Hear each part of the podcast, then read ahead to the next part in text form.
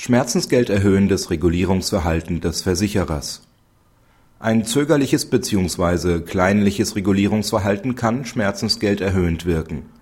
Eine verzögerte Regulierung kommt nur dann in Betracht, wenn es sich um ein vorwerfbares oder jedenfalls nicht nachvollziehbares Verhalten des Versicherers handelt. Die Klägerin erlitt bei einem Unfall unter anderem ein stumpfes Bauchtrauma mit Darmverletzungen und mehrere Frakturen von Oberschenkel bis zum Fuß Aufgrund der Verletzungen ist die Lebensführung der Klägerin massiv beeinträchtigt. Sie kann sich nur noch im Rollstuhl oder kurzfristig mit Krücken fortbewegen. Besserungen sind nicht zu erwarten. Vielmehr ist aufgrund der Arthrosebildung mit Verschlechterungen zu rechnen. Die Klägerin leidet darüber hinaus unter ständig erheblichen Schmerzen.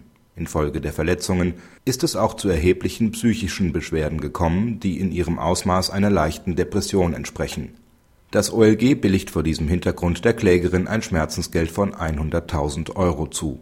Das Gericht verweist darauf, dass auch das Regulierungsverhalten des Versicherers Schmerzensgeld erhöhend zu berücksichtigen ist. Angesichts der Eindeutigkeit des Unfallgeschehens, die eine Mithaftung der Klägerin auch nicht annähernd als wahrscheinlich erscheinen ließ, und der Vielzahl der schweren Verletzungen ist die in Teilbeträgen vorprozessual erfolgte Zahlung von insgesamt 35.000 Euro offensichtlich zu niedrig gewesen dies hätte auch die Beklagte erkennen müssen.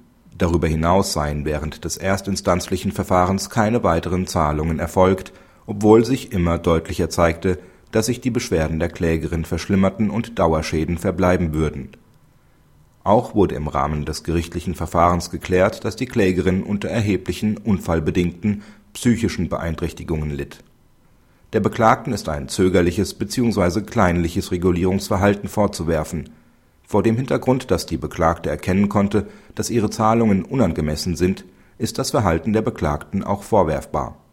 Praxishinweis In Schmerzensgeldprozessen wird oft eine Erhöhung des Schmerzensgeldes im Hinblick auf eine verzögerte Schadensregulierung gefordert.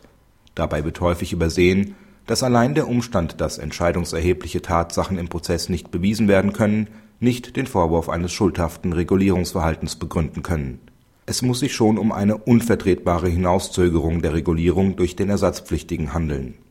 Der BgH hat im Übrigen ausdrücklich offengelassen, ob eine verzögerte Schadensregulierung sich als schmerzensgelderhöhender Umstand darstellen kann